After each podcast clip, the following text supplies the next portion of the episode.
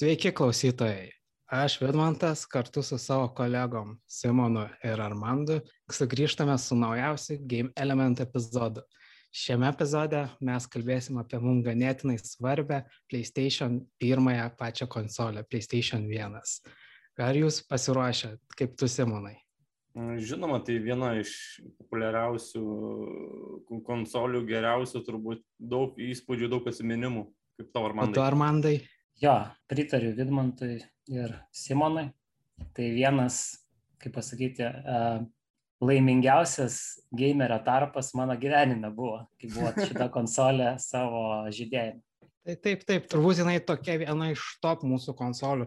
Mes turėjom tos vadinamus kaip zilitomus, NES klonus, o šitas jau turbūt mums buvo toks žingsnis į tą diskinę, tokį jau, kaip čia pasakius, labiau jau suaugusių, netgi sakyčiau, rimtesnę erdvę.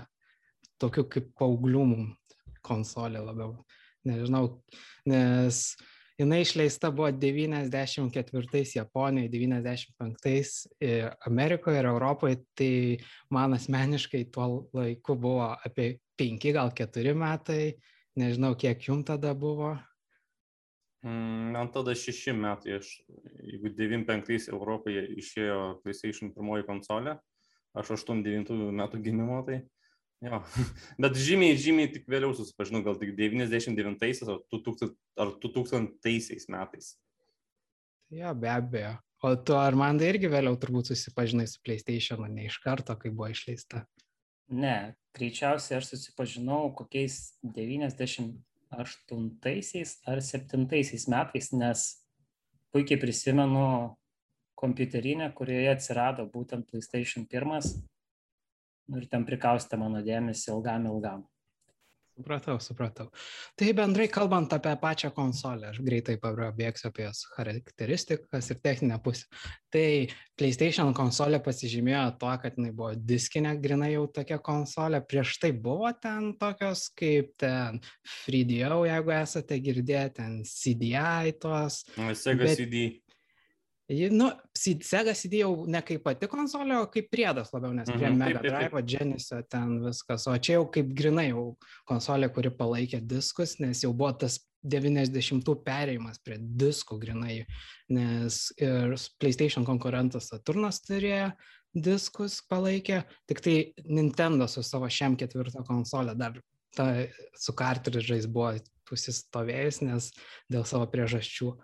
Pati konsolė tai palyginus su ko, didžiausiais konkurentais mes lyginsim, nes buvo Saturnas iš Segos pusės ir Nintendo šiam keturi. Nemanau, kad verta ten kalbėti apie ten tas Fridio ir panašiai, nes jos tokios, galima sakyti, greitai buvo užmirštos, tai šitos bendrai. Tai PlayStation'as per įdomu tokį kaip viduriuką netgi, nes jinai palyginus iš 3D pusės nebuvo tokia galinga kaip vėliau išėjusi Nintendo šiam keturi. O Saturnas pasižymėjo, kad 2D žaidimo ant jo belio kaip gerai atrodė, aišku, aš nežinau pats iš patirties, gal jūsų Saturno, liktais Armandas turi Saturną, galėtų tai antrint, kaip lyginant 2D žaidimus ant PlayStation 1 ir 2. Iš tikrųjų, sunku man palyginti, nes daugiausia žaistų žaidimų sudarė mano 3D būtent žaidimai. Tai negalėčiau taip asmeniškai pasakyti, kad 2D žaidimai geriau atrodė ant Saturno, nors esu skaitęs forumuose, kad taip tiesa, Saturnas šitoje vietoje lyderiauja. Na taip. Šiaip pati konsolė įdomi tuo, kad jinai, kai palaikė tą diską ir labai patys Sonic, jeigu jūs domėtės apie kompaniją, jinai tokia kaip medijų kompanija, nes nuo senų laikų jinai turėjo savo ten, e, galima sakyti, tą diskų padalinį, kurie ir buvo pionieriai tame, nes jie ir paskui stumė DVD ir tiek Blu-ray su kitom konsolėm. Gal ir šita konsolė buvo jam kaip iš vienos pusės toks kaip stumimas medijos, nes Sony, galima sakyti, buvo kuriejas e, to laikinio CD formato. O kit dar įdomus dalykas prieš tai, jeigu esate buvę girdėję, kad Sony seniau bandė patekti su, tarkim, Nintendo į tą visą žaidimų rinką, bet gal iš, nežinau, kaip ten gavosi tarptų kompanijų nesusikalbėjimas ar kaip. Ir yra gandai, kad tiesiog Sony užpyko Nintendo ir nusprendė, kad parodys savo tą japonišką tokią garbę ir išleis savo tą konsolę. čia tokie kaip urban mitai, jeigu jūs kada domėjotės apie patį PlayStation. Jo, jo, domėjausi aš irgi, žiūrėjau laidas, kaip viskas susiklostė Sony, bet kaip matom, viskas tik gerin. Taip, taip. Tai pati konsolė, kaip minėjau, jinai buvo per tokį viduriuką ir esmė, kad tai visas tas jos palyginus galingumas, ką dabar su dabartiniam tai jokingas atrodytų, ten 2, 2 megabaitai ramų, ten e, atminties, jinai naudoja atminties kortelės specialės savo kursonį išleido ir pasižymėjo, kad ten, man atrodo, ten net, ten, kai dabar mes turim teraflopais, jinai dar buvo ten giga ar mažiau net, nu, tiesiog ką, ką mes dabar turim ir tada tai visai kitas buvo variantas. Ir, bet įdomiausia, kad šita konsolė ganėtinai buvo prieinama patiem kuriem, nes kiek esu skaitęs ir girdėjęs, kurie gan mėgo PlayStation konsolę, nes ant jos palyginus buvo lengva ir programuoti ir ta didelė disko atmintis padėjo, tarkim, kai palyginus su Nintendo šiam4, kur kartridžuose tilpdavo, man atrodo, didžiausias buvo šiam4 MB, palyginus su 700 MB disku, tai kai diena ir naktis. Ir dar įdomiausia, kad PlayStation'as turėjo žaidimų, kurie daugiau negu vieną diską užima, kaip tarkim Resident Evil 2, apie kurį mes su Simonu kalbėjom, arba Final Fantasy žaidimai, kurie ten, mm, man atrodo, iki keturių diskų. Tai įsivaizduok, sukiš tokį žaidimą šiam ketvirtą, tai būtų beveik nei, nei, neįmanoma, nors taip tintas Final Fantasy ir turėjo kažkada išeiti šiam ketvirtą, bet Sony turbūt su savo tiek marketingu ir parodė, kad jų konsolė tokia labiau prieinama, patogesnė, prisivilioja. Ir šiaip palyginus tas visas įėjimas tikrai buvo Sony ganėtinai stiprus, nes kaip iš nieko ateiti į tą visą rinką ir būti tos kartos top parduodančią konsolę, nes jei neklystų, buvo parduota virš šimto e, milijonų konsolių, kas tuo laiku yra ganėtinai spūdingi mm. rezultatai, nes man atrodo, sudėjus šiam ketvirtą ir Saturną net nesiekė beveik pusės Nintendo 64 tik 32 milijonai atrodo. Tai va, Saturnas dar man, mažiau. Man atrodo, kad labai labai įtakojo šitas sprendimas, kaip pasakė, 299 kaina. Ja, ten tas pirmas. A, ten, keitį. jo, ten epiškas momentas, nes e, Saturnas 399, o tas e, Sony prezidentas buvo pasiruošęs kalbą, jis ten, nes Sega paskelbė, jau galima nu, įsigyti Saturno konsolę parduotuvėse, bet patys tie prekybos tinklai ir kiti buvo nepasiruošę, buvo supykos ant sagos, kad taip netikėtai paskelbė, nebuvo jokių žaidimų beveik ir taip toliau. Tas atėjęs Sony prezidentas sako 299 ir išėjo. Nuostabu. Ja, tas momentas tiesiog toks, kaip dominuojantis, galima sakyti, jau pražudė Sazorną iš karto, dar su šiam ketvirtu kažkiek konkuravo, nes vis tiek Nintendo geriau išsilaikęs ir viską, bet tikrai sužaista buvo labai gerai ir dėl to PlayStation iki šios dienos yra viena iš uh, top e, konsolių, kurios egzistuoja ir tikrai didžiausias vienas iš gamintojų rinkoje. Įdomiausia, kad paskui vėliau, na, pirmiausia, kai mes laukiam didžiosios tos PlayStation konsolės, jeigu kai atsimenat, jinai buvo tokia ikoninės pilkos spalvos, man atrodo, kažkaip e, prieš tai nu, būdavo atrodo pilkų, bet vis tiek įsibrėžė su dar savo tos spalvotų tokių logotipų, to SP Sony PlayStation, jeigu atsimenat, netgi kaip prasideda pats tas intro su ta muzikėlė toks du, kaip kilimas ir pamatom. Man tas intro, jo, tas intro bus toks pasakiškas. Ja, daug kas atsimena ten ir dar tas tokias driulium kažkaip ten tikrai buvo gerai sukurtas ir įdomiausia, kad aš nesenai sužinau, kad visas tas logotipas iš tikrųjų yra 3D. Jisai nebuvo, kad ten tiesiog, kai mes matom jį iš priekio, atrodo toks paprastas 2D vaizdelis, bet buvo paskui parodyti, kad iš tikrųjų jis yra 3D ir net galima už šonų žiūrėti panašiai. Jau čia Sony norėjo parodyti vis dėlto savo konsolės 3D galimybės su juo. Tikrai jie neprašovė, nes iš visų tų logotipų, kur būdavo paskelbta, kokie ten buvo, šitas tikrai buvo pataikytas ir iki šios dienos, jei kas nors pamatytų, net ant kokių marškinėlių panašiai iš karto, oi, čia PlayStation, PlayStation, žino. Ir paskui vėliau buvo dar išleistas mažesnis modelis, jeigu jie atsimenat, vadindavosi PS1. Įdomiausi tie pavadinimai, nes atsimenu, vienu momentu PlayStation vadino PSX, bet aš nesupratau, kodėl PSX.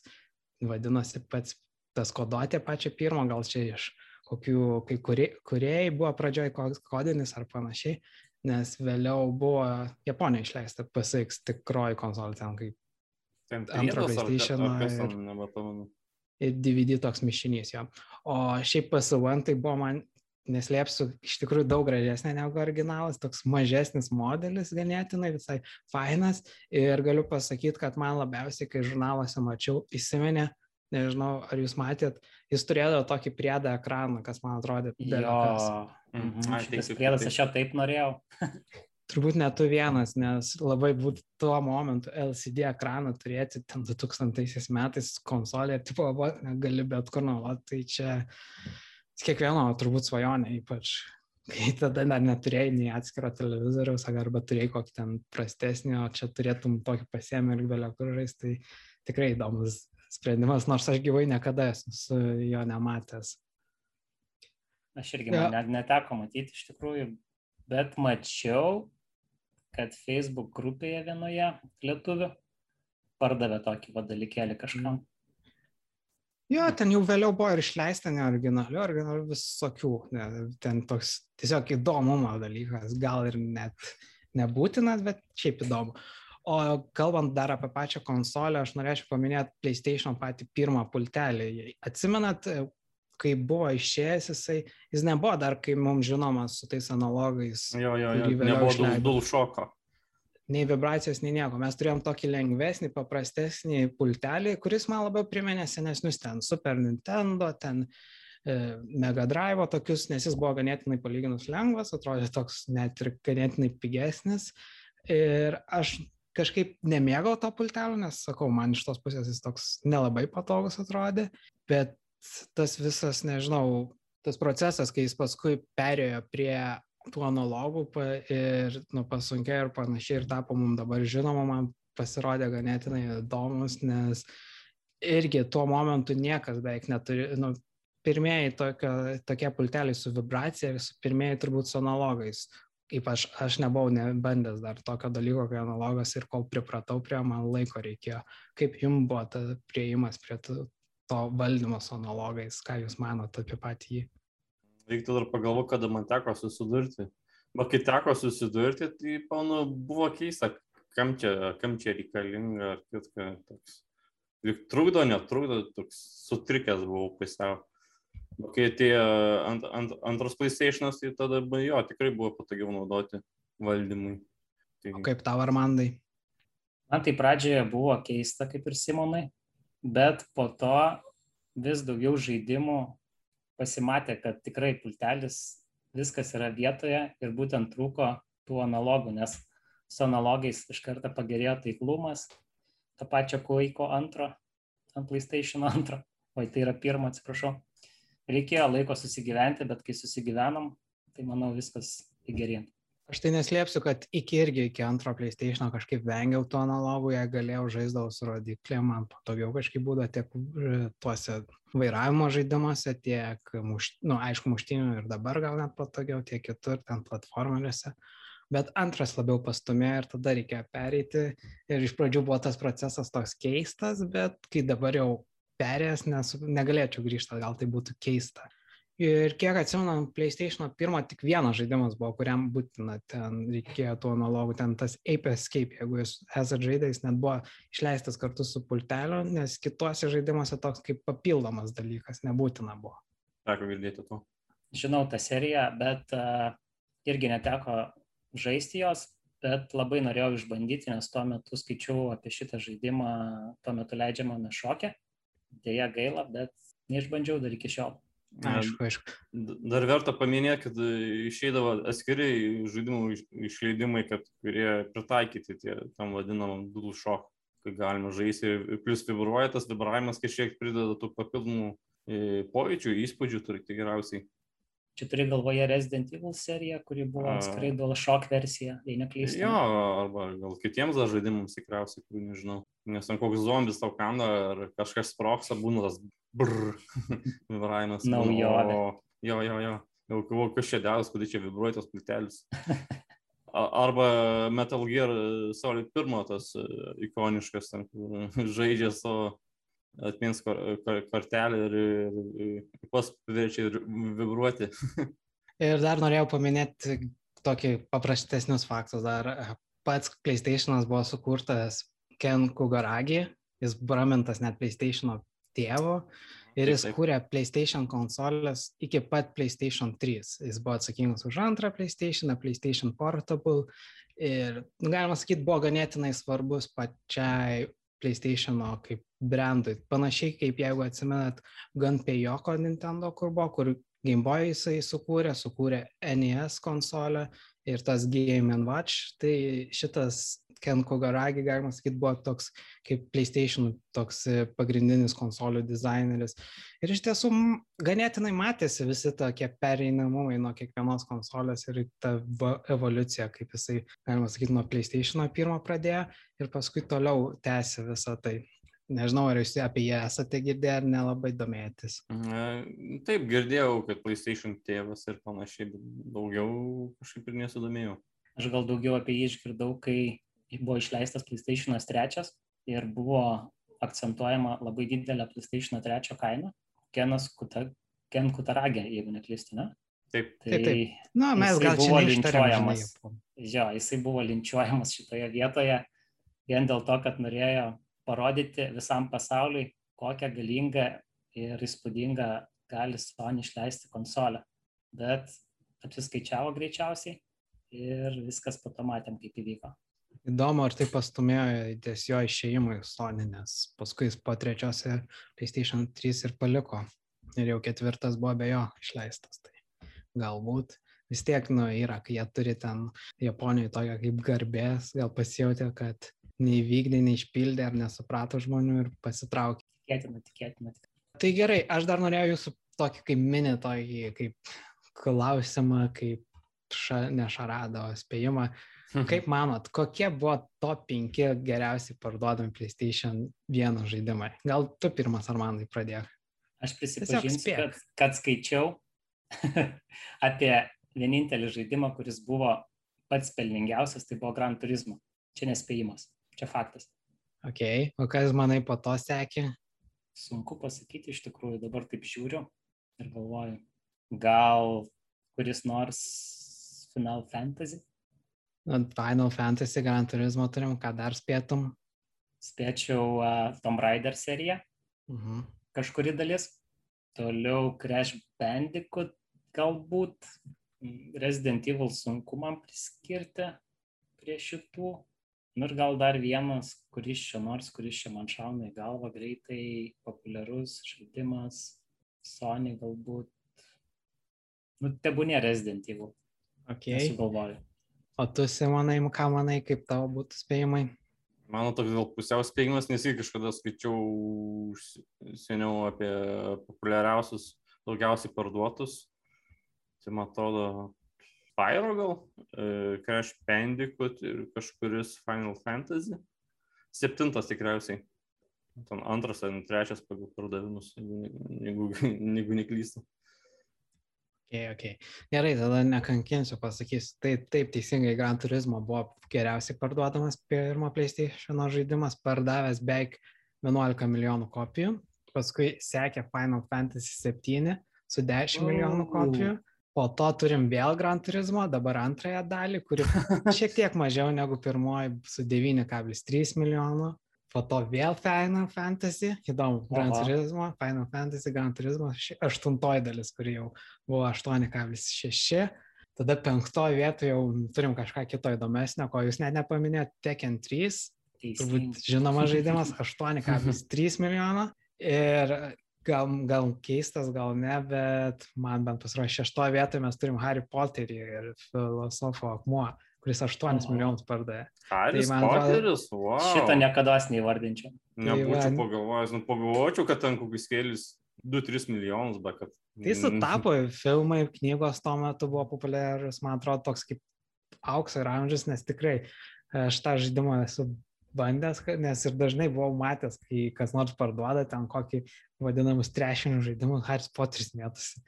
Vėliau turim tada septintoji Crash Bandicoot 2, tai 7,5 milijono, Crash Bandicoot pirmą pačią dalį, kuris 7 milijonas, ar man tada eina Armando paminėtas Tom Raider su 7 milijonais, kas 7,1 ir galiausiai turim Crash Bandicoot pačią pirmąją dalį su 6,8. Tai ganėtinai žinomas daugumą serijų, kai sakau, tas Harry Potteris gal mus labiausiai tiesiog toksai panašiai. O kai mes minėjom Resident Evil, man atrodo, jie nebuvo tiek daug pasiekę. Antroji dalis labiausiai parduodama, bet jinai tik siekia apie 2-3 milijonus, jei neklystu. Daugiau iš... turėtų būti apie 5 milijonus, manau. Nu, gal čia sudėtos visos versijos. Man atrodo, antra PlayStation dalis. A, buvo... čia pagal iš, išleidimus ar kažkaip atskirai yeah, skaičiuojasi. Nes Resident Evil daug, daug buvo išleista. O dar jeigu norite įdomumo, tai Metal Gearas 12 vietoj su 6 milijonais. Buvo, mhm. Tai irgi ganėtinai. Nes, nu, su Harry Potteriu truputį keista, nes vis tiek ten buvo iš paskutinesnių PlayStation žaidimų, tai buvo 2000 kokie, manau. 2001, jeigu. Nu, tai. 2000 tai... jau antras PlayStation, tai šie, nu, taip įdomiai, įdomiai, kaip čia taip. Nu, antras PlayStation turėjo pliusą, kad galėjai pirmo žaisti, tai aš nenustepčiau, jeigu ten žaisdavo, bet to pradžioj sunku buvo gauti antrą irgi PlayStation, ten buvo mm. belia kokios eilės. Ok, ok, nustebino. Tai, va. nu, esmė, kad visi žaidimai, kuriuos išvardinom nuo 97 iki 2001, tai vis tiek dar tai nebuvo porą metų, kol atsirado tokie jau žinomi Sony kaip Gran Turismo, kaip Na, iš šitų tik ir Gran Turismo yra, kas Sony sukurta. Nu, nebent galim skaityti Crash Bandicoot, bet ten irgi įdomi, nes jie kaip ir su Sony tuo momentu dirbo, bet licenzijas ten pereidinėjo. Tai, mhm. tai nežinau, gal galim tada tiesiog pakalbėti kiekvienas iš savo pusės apie tą pirmą PlayStation, kadangi aš dabar tiek daug kalbėjau iš techninės pusės, tai gal jūs norit kuris nors, gal tu ar man tai papasakok apie savo patirtį su PlayStation 1 konsolė. Tai gal aš irgi per daug e, nesiplėsdamas turiu tris dalis pasiskirstęs, apie kurias norėsiu pašnekėti, bet norėsiu gal pašnekėti vieną dalį papasakosiu ir tada perleisiu žodį Simui. Mano pirmieji PlayStation pirmieji žaidimai, kaip aš su jais susipažinau, kur aš juos atradau. Tai buvo, pamenu, rajone veikia kompiuterinė, kurioje buvo alaus baras, tai kompiuterinė buvo kaip priedas prie alaus baro. Kas įdomiausia, kad vaikai turėdavo įėjimą pro parą ir iki, iki tokio kambariuko pasiekti, tai tu ten prisižiūrėdavai visada girtokliaujančių visokių ir panašių dalykėlių. Vaikui net mušė to noro pažaisti su PlayStationu, tai mes visi bėgdavom žaisti PlayStationu į tą kompiuterinę, nes vienintelė rajone buvo. Ir pripažinsiu, kad tai buvo vienas smagiausių vaikystės prisiminimų, nes labai labai labai daug gero laiko turėjome. Ir pirmieji žaidimai, su kuriais susipažinau kompiuterinėje, tai buvo Apes Odyssey. Tikriausiai žinot šitą žaidimą. Aš netgi daugelį laiko galvojau, kad tai yra Sony PlayStation meskatas būdamas vaikas. Ir to žalio žmogeliuko valdomas personažas mane įtraukė, tiksliai net nežinojau, ką aš ten turiu daryti tame žaidime, nes tuo metu mano anglų kalba buvo tokia prasta, kad tiesiog spaudžiau, ėjau, bandžiau, taip niekur toli ir nenuėjau. Buvo sekantis žaidimas, tai yra platformeris Jersey Devil. Galbūt esat girdėję, galbūt ne. Teko. Aš tikrai negirdėjęs. Gali papasakot man detaliau. Tai toks personažas violetinėme, violetinėme kūne įkūnytas toks velniukas. Ir su juo tu turi pereiti misijas įvairias, tik tai, kad buvo taip sunku žaisti jį, kad mes pirmą lygį esame tik perėję, kiek pamenu, ir antrame lygyje visada mirdavom. Tuo metu nebuvo memory cardų pas mus kompiuterinėje, tai visą laiką užsisakęs iš naujo tekdavo vėl pradėti nuo pirmo lygio, kurį įveikdavom ir vėl mirdavom antrame lygyje. Jis pasirodė mums velniškai sunkus. Tuo metu buvo labai sunku, norėčiau išbandyti dar kartą, pažiūrėti, ar jis iš tikrųjų yra toks sunkus, kaip man atrodė vaikystėje. Sekantis dar vienas žaidimas buvo, su kuriuo susipažinau, tai buvo Tomb Raider, antra dalis. Tai buvo žaidimas, į kurį aš sutelkiau maksimalų, maksimalų dėmesį ir bandžiau kuo daugiau valandų kompiuterinėje būtent žaisti Tomb Raiderį. Tomb Raider visa serija man yra asmeniškai labai svarbi ir labai labai patinkanti, nes žaidimas verčia tave galvoti, e, nuotikiai yra, keičiasi lokacijos, vietovės, priešai, viskas labai įdomu ir kas įdomiausia buvo pamatyti per 30 minučių, kai duodi, pamenu, 2 litus ar tuo metu duodi, kad pažaisti, jeigu netlystų, valandą ar 30 minučių. Tas Tomb Raiderio pradžia tokia prasideda, kai tave malūnsparnis išmeta prie kinų sienos, tu nusileidi, esi oloje ir turi išmokti išeiti iš tos olos. Tai pamenu, aš žaidžiau galbūt, nesumeluosiu, 2-3 valandas ir vis nesugebėjau išeiti iš tos olos. Nors dabar tai pasirodys keista, bet tuo metu man atrodė, kaip reikia tą misiją pereiti. Nes įdomus faktas, kad Tomb Raider antra dalis prasideda ganėtinai įdomiai, kai tu nusileidi būtent į tą kinų sieną ir tau tenka pereiti kokią 20 minučių žaidimo, kad pirmą kartą galėtum išsisaugoti. Iki mm. to išsis, išsisaugojimo yra daugybė, daugybė sunkių užduočių, kurias tu turi įveikti, net nežinodamas, kad ten yra spastai, kad ten ant tavęs užkrys akmens rutulys, ar tiesiog pasirodys kažkoks priešas, kurio tu negalėsi nugalėti. Tai buvo velniškai sunkus žaidimas, bet tuo pačiu velniškai puikus. Dar vienas žaidimas, kurį noriu paminėti, tai yra Twisted Metal antra dalis, kurią tikriausiai jūs puikiai žinote. Tai kompiuterinėje buvo vienas žaidžiamiausių mūsų žaidimų. Žaisdavom dažniausiai vieni prieš kitus, kartais ir prieš kompiuterį, bet smagiausia, aišku, būdavo rinktis mašinas skirtingas, sugebėjimus, tas vadinamas, e, tie personažai, ypač tas vytut vadinamas klaunas su tubusiuku ant galvos klauno mašina, garsai, muzika, daug, daug, daug šaudimo, buvo tikrai, tikrai labai energingas, labai smagus mums vaikams žaidimams, tai mes jį ten žaidėm ir žaidėm, žaidėm ir žaidėm. Draugas turi du litus, bėgam į kompiuterinę, Twisted Metal. Aš gaunu du litus, su draugais bėgam vėl, Twisted Metal. ta prasme, buvo labai geras laikas. Tai ir dar sekantis žaidimas, apie kurį jūs daugiausiai jau šnekėjote, Vidmantais su Simonu, tai Resident Evil.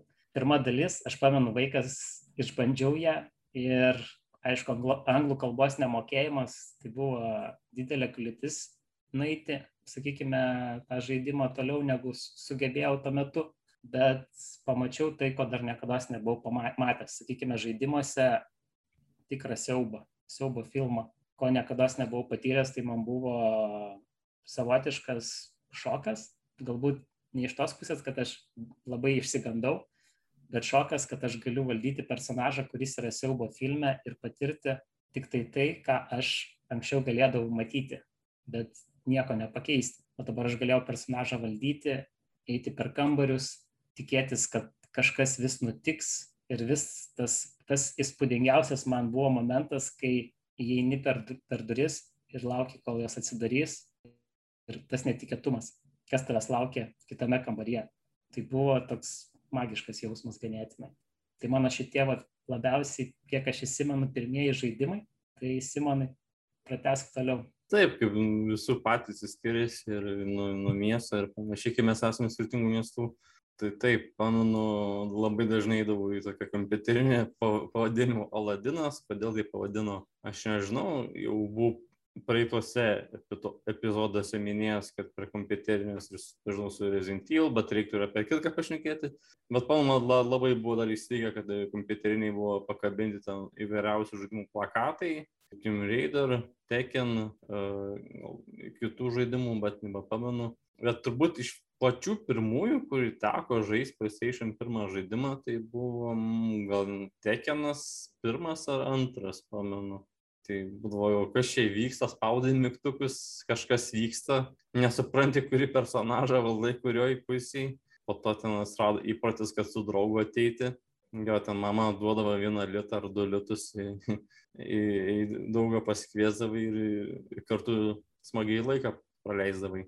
Pamenu buvo kad kažkada vėliau atsirado e, savininkas padėjo tokį didžiulį didžiulį kineskopinį televizorių nežinau kiek ten trisdešimt colių gal didesnį ne manau kad didesnį kad e, ir buvo tas multitaptas priedas kur tuos keturis pultelius gali įsidėti. Tai žaidžiam kveiką antrą ir pamenu nieks nežinojo kaip tą žodį iš, iš, ištarti visas kažkaip kvykas kvakas nieks nežinojo Tai, tai būdavo visai labai tokį, pasaky, kompetitiv, įsijausdai žaidimą, kad tas iššokinėjimas, hu, hu, hu. Kitas dar labai įsiminė Siphon Filter, turbūt jums irgi žinomas puikiai. nežinau, atmosferą traukdavo, kažkiek šnipinėjimo reikėdavo ir, ir kitko. Ir, ir taip pat labai smagu būdavo kartu irgi su draugu žaisti Deathmatch ar kitus žaidimus. Crash Bandicoot labai dar įsiminė, tikriausiai, kad personažas spalvingas, animacijos sėkingos ir iškus spalvos, spalvos žaidim, žaidimai labai ryškios, skirtingi pasauliai patikdavo, kokio ten e, to balto lokio jodinėti ar nišerniuko, e, kad būna ekranui ją pačią bėgi nuo kokio milžino ar ten tas akmuo ridenasi. Bet jo pradžioje nebūdavo tų memorio card, atminties kortelių. Tai, tai jo, ten kažkas, buvo pasakė, kad Resident Evil kažkas pirmą antrą dalį perėjo vienų prisėdimų, buvo toks wow, kosmosas.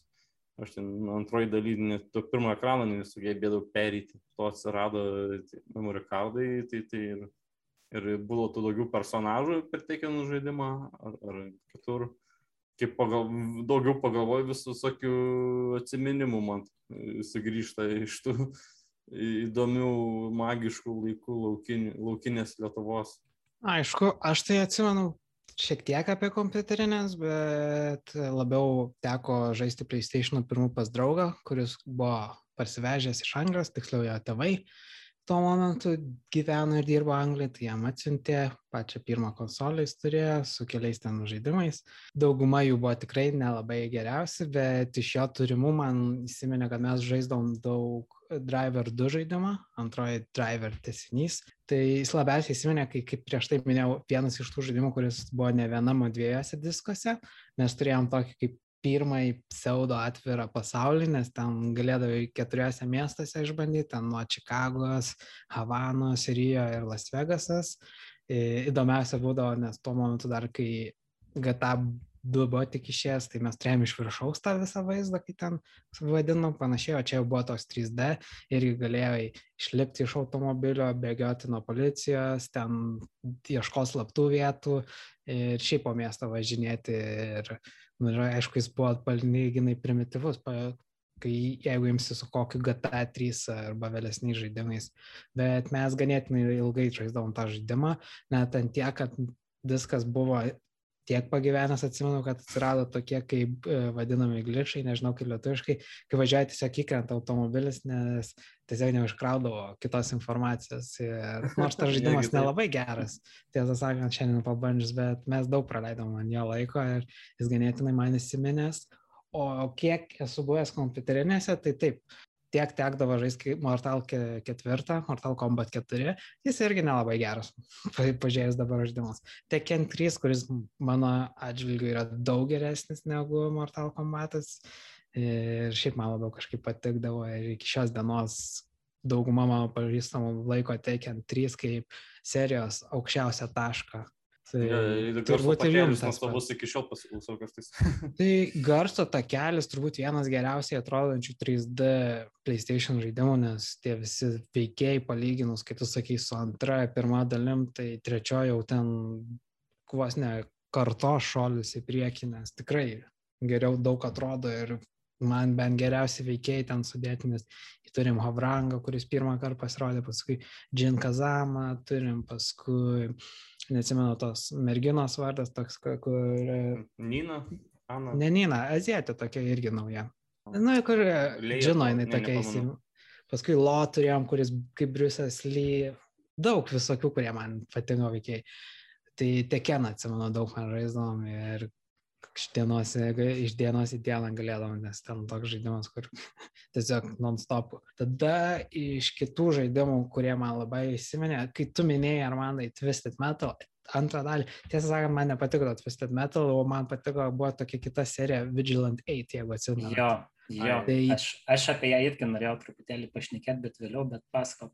Tai man jinai labiau patiko, nes kažkaip man veikėjai labiau patiko, nes jie tokie buvo labiau kaip vekiai, panašiai atsimenu, vienas buvo toks, toks autobusiukas su, tipo, jo, jo veikėjas yra toks kaip ufologas pavadintume ir jo specialus judesys buvo lėkštės skraidančios iš jo išnera ir kitus užpuola, tai man jis patikdė. Ir toks ten disko mišinys ten įdomus, toks visi personažai man patiko, tai aš mieliau tą rinkdavausi negu tą Twisted Metal kažkaip man patiko tiek, tiek personažai, tiek automobiliai, tiek viskas. Ten gaila, kad paskui jau po antros dalies daugiau nieko nesulaukėm. Paskui kalbant apie šaudyklės, turbūt jūs irgi esat bandę, tai mes daug laiko praleisdom žaisdami Medal of Honor Underground. Čia Steveno Spielbergo pirmas, galima sakyti, pirmi žaidimai, kuriuos jis pats e, režisavo ir išleido ir draugas, atsimenu, turėjo.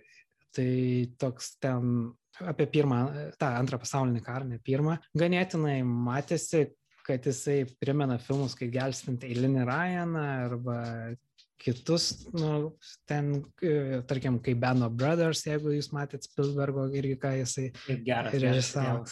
Ja, jisai labai buvo įlinkęs ties antrupių ant pasaulinių karų ir jis norėjo atvaizduoti ir manau šitas žaidimas tikrai pirmos tos dalys buvo labai geros ir visa ta istorija tokia ganėtinai įdomi, kai tu ten už priešo linijos patenki, toks irgi, kai tu sakai su Siphon filter turi įsifiltruoti, esmė dar man įdomiausia, kad pagrindinė veikėja mergina buvo, jinai turėjo ten, atsimenu, kai sakau, patekti į tą visą nacijų užimtas vietas ir toks net pavadimas underground reiškia, kad tu vos neturi slapti papulti.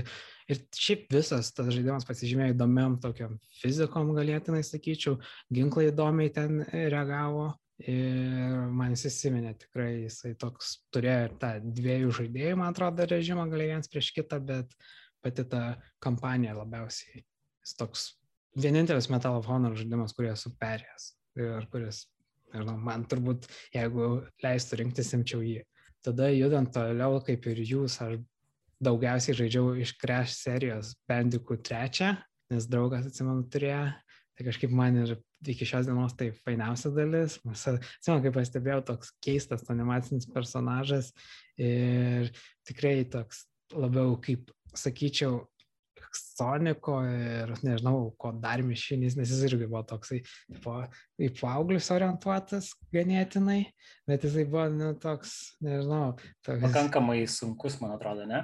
Na, žaidimas tai reikėdavo jo vėliau. Sunkus, sunkus vėliau gal pirmajame lygiai tai greitai gali pereiti, nesunkiai surinkti, bet šiaip sakau, toks į paauglius orientuotas personažas ir kažkaip prilipo toks fainas visai. Tai... Panašiai, lyginčiau jį su kaip e, prieš tai Sega turėjo e, Airport Gym, NES irgi, tai tokio lygio, nes jie ne tai, kad, sakyčiau, visiems kaip kokie Mario, kur vos net visiems ir vaikams ir viskas orientuotas, o čia toksai jau grinai ten kietesnis, net tos buvo E, išleidę Sony tokius video, kur krešas rėkia ant Nintendo ir ten segos ar ten nesąmonės, jeigu esat matę YouTube, tokie kaip reklaminiai video, kažkaip persirengia žmogus krešą ir ten, tipo, nesąmonės daro Nintendo ir segai. Mm, tai taip, tas... krešas buvo kurį laiką Sony talismanas. Taip. O dar tada, jeigu kalbant apie kitus žaidimus, tai taip irgi Resident Evil man patiko žaidimai, Silent Hillas turbūt PlayStation 1 iš, jeigu reikėtų rinktis tarp Resident ir Silent Hill, man Silent Hillas labiau. Leiskit jisai... paklausiu greitai klausimų. Klaus gali ir du. Kaip perėjot Silent Hillo pianino misiją? Daug trial and error. Aš atsimenu, ten ilgai užtrukau, bet galiausiai, nu, ten Silent Hillas pasižymėjo, kad jo tos puzlės gal ir todėl man jis labiau patiko, nes ten turėjai daugiau suknų, daugiau jie ten kliovėsi, kad tu esi žmogus, kuris nepalūš ir turėsi viską ten padaryti negu Resident Evil. Bet šiaip jau atsimenu tą misiją irgi, kur ten pagal klavišus, kol ten perprati, nes turi atspėti, kuris paukštis, kur nutupė ir nu, žinau, apie kurią grinai tu kalbi, nes ja, ten daug laiko buvo praleista man. Aš asmeniškai pamenu šitą vietą perėjau tik tai tada, kai buvau kitoje kompiuterinėje ir kažkas man pasakė, kaip pereiti tą vietą. tai grįžęs galėjau saviems parodyti, kaip pereiti tą vietą. O man, man tai aš žymiai vėliau tik su tos lankydų žaidimais susipažinau, kažkaip neteko kompiuteriniai. Tai šie 2005-2006 per emulatorių kažkada žaidžiau su draugu, o mano draugas toks galvotesnis, e, jam visokios toks užduotis patinka galvosakiai tik kažkaip su jo pagalba ir, ir perėjau tą prakeiktą galvosūkis ar kitus, visokiausių sunkių buvo, ta, ar tas, kur su Zodiako, horoskopo ženklais ten buvo ir kiti, dėja, ne, nes, ne savo jėgom. Na tai taip, čia jau sakau, čia turėjai būti nusiteikęs ir labiau galvo pasukti, kad Silent Hill žaidimuose jie pasižymėjo visada tokiu, nu bent pirmieji tie, vėliau tai jau ten irgi tokios nukvailėję mhm. puzlės. Dar atsimenu labai gerai buvo, kad mes, nu, tiksliau, aš turėjau demonstracinę versiją Legend of Dragoon žaidimo. Turbūt labiausiai mano mėgstamiausias iki šios dienos PlayStation 1 RPG žaidimas, nes vėliau jį susiradau ir perėjau. Tai irgi įsiminė, nes jis ganėtinai vėlai buvo išleistas ir jis pasižymėjo tokia įdomia kovų sistema su tais vadinamais quick time tokiais turėdavai laiku paspausti kvadratėlį ir panašiai. Ir jei neklystų per emulatorių būdavo sunku, nes tu negalėdavai atitaikyti normaliai ir padaryti kombo. Tai geriausia mm. žaisti arba turbūt kokio PlayStation'oje turi arba bent ant PSP, kiek žinau, Sony emulacijos irgi sutvarkė, nes su emulatoriais kažkaip jie ten Gal, gal ištaisė. Ja, bet tas RPG man patiko, keturių diskų ir toks ganėtinai, nežinau, gražiai atrodė visos tos uh, šoninės, visos tos backgroundai buvo padaryti kaip Resident Evil su naudojant 2D aukštos kokybės vaizdus ir patys veikėjai ganėtinai tokie pažengę, nes palyginus, jeigu su kokiu Final Fantasy VII, kuris vėliau prieš tai buvo išleistas, nu jie tokie buvo deformuoti visai. Nu, ten tokie lego kaladėlis. Nu, jo, vėliau jie sutvarkė, o šitie matėsi, kad jie dar geriau išmanė ir tikrai detaliai pateikta ir jau toks aukščiausio, sakyčiau, aukšto lygio tas RPG buvo žaidimas ir tikrai mano vienas mėgstamiausių, kurie esu žaidęs. O tas žaidimas, kurį paminėti, jis nelabiau su Saturno buvo, ar aš klystu? Ne, tu tikriausiai tu maišai, nes čia Panzer Dragoon. Ai, po, po, podinį panašų. nes Legend of Dragoon grinai Sony išleistas ir iki šios dienų dar norėtų fanai, kad būtų arba remake'as, arba testinys. Mm. Toks, jis ganėtinai, nu, sakyčiau, normaliai parsidavė, ne Final Fantasy kiekiais, bet nebuvo toksai, kad e, nusivylimas, bet kažkodėl Sony nelabai jį žiūri ir oh well. Jo, žinau. kas nori jį išbandyti, tai PlayStation 3 konsolėje galima jį dar nusipirkti, jeigu turi Šiaurės Amerikos paskirtą. Mhm. Arba visada gali ant kokio PSP vietos nusipiratauti. Nu, ten viską gali nusipirkti dabar. Čia kaip variantas. O, o, o kaip jums medieval žaidimas? Aš bandžiau kažkada demo ir pirmą dalį man kažkaip jie nelabai ne, ne, buvo. Aišku, vėliau jį... galvojau tą remake išbandyti, bet nežinau, aš nedidelis buvau medieval fanas. Aš apie jį skaičiau, mačiau, bet neišbandžiau. Aš labiau, jeigu... Patirtis irgi panašiai. jeigu nori dar greit prabėgti kokius žaidimus, kurie man patiko, tai patiko Dino Crisis pirmas ir antras Antras gal net labiau toks veiksmo buvo. Man antras irgi labiau kažkaip patiko. Man pirmas. Tai ta, tas patiko labai, tada iš jeigu išskirtinių pagalvojant, ką mes žaidom, buvo toksai loaded, kur iš viršaus, galima sakyti, tokia keista mm -hmm. izometrinė šaudyklė, kur ten gali pasirinkti iš kelių ar keturių. Ar... Jis tau patiko? Ir mes tuo momentu, kadangi neturėjom per daug ko pasirinkti, jis visai būdavo nieko. Dabar, aišku, jeigu išbandytume, tai nelabai gal, bet jis toks ganėtinai įsimintinas buvo toksai laudėtas žaidimas. Aš žinau, kad ir Saturno išleista panašiai, nesakyčiau, kad jis geras, visai toksai ok, ganėtinai. O dar ką mes turėjom, tai jos Pyro atsimenu, kai mes žaisdavom tą patį pirmą ir kol, kol perpratom irgi, kaip ten truputį būdavo problemų, nes pirmam visus lygius perėdavom pirmam pasaulį, bet nežinom, kad reikia nueiti surasti pagrindinį tą didįjį drakoną, kad į kitą pasaulį perkeltus rinkus. Tai būdavo taip užtrukdom tam pirmam visam pasaulį, kol vėliau atradom. Ir tiek, nežinau. O tada kitas klausimas, mes kalbėjom čia labiau apie PlayStation kaip kompiuterinėse pas pažįstamos, o kada patys jūs gavot pirmąją konsolę savo PlayStation, ar iš vis? Aš iš vis net neturėjau. tai va, aš, aš irgi neturėjau niekada, bet turėjo mano pusbrolis. Okay. Kaip pas pusbrolį dažnai tekdavo užeiti, bet to ir pasibaigė, nes iš tikrųjų gavau Saturną vietoj PlayStation, bet e, Saturno atsižaidęs eidavau į tas pačias kompiuterinės ir bandydavau toliau PlayStation žaisti, nes visi žurnalai, kurie tuo metu išeidavo, tai visi rašydavo tik apie PlayStation beveik žaidimus. Būdavo PC, bet PC man dar buvo kosmosas. Stebėdavau, sekdavau viskas, kas susiję su PlayStation. Nežinau, pratęsiu gal mintį, aš šiek tiek apie žaidimus tos pačius. E, PlayStation, nes mūsų patirtis tokios pačios su Simonu greičiausiai, daugiausiai laiko praleisdavom kompiuterinėse arba pas draugus, arba pas giminaičius kaip aš. Turėjau tokį va, žaidimą, kuris dar iki šiol man kelia labai didelę nostalgiją ir noriu aš jį nusipirkti. Jis vis mano ebay krepšelį guli, tik nepaspaudžiu pay. Tai yra Exhumed arba dar kitaip vadinamas Power Slave. Dažnai turėdavo PlayStation žaidimai du pavadinimus. Vienas Šiaurės Amerikai, kitas Europai. Tai šitas žaidimas yra pirmos mens šaudyklė. Man atrodo, sukurta... Dumo pirmo varikliuko, ne? Taip, taip. Ir kas įdomu yra, kad jis yra kaip Metroidvania padarytas, plus minus.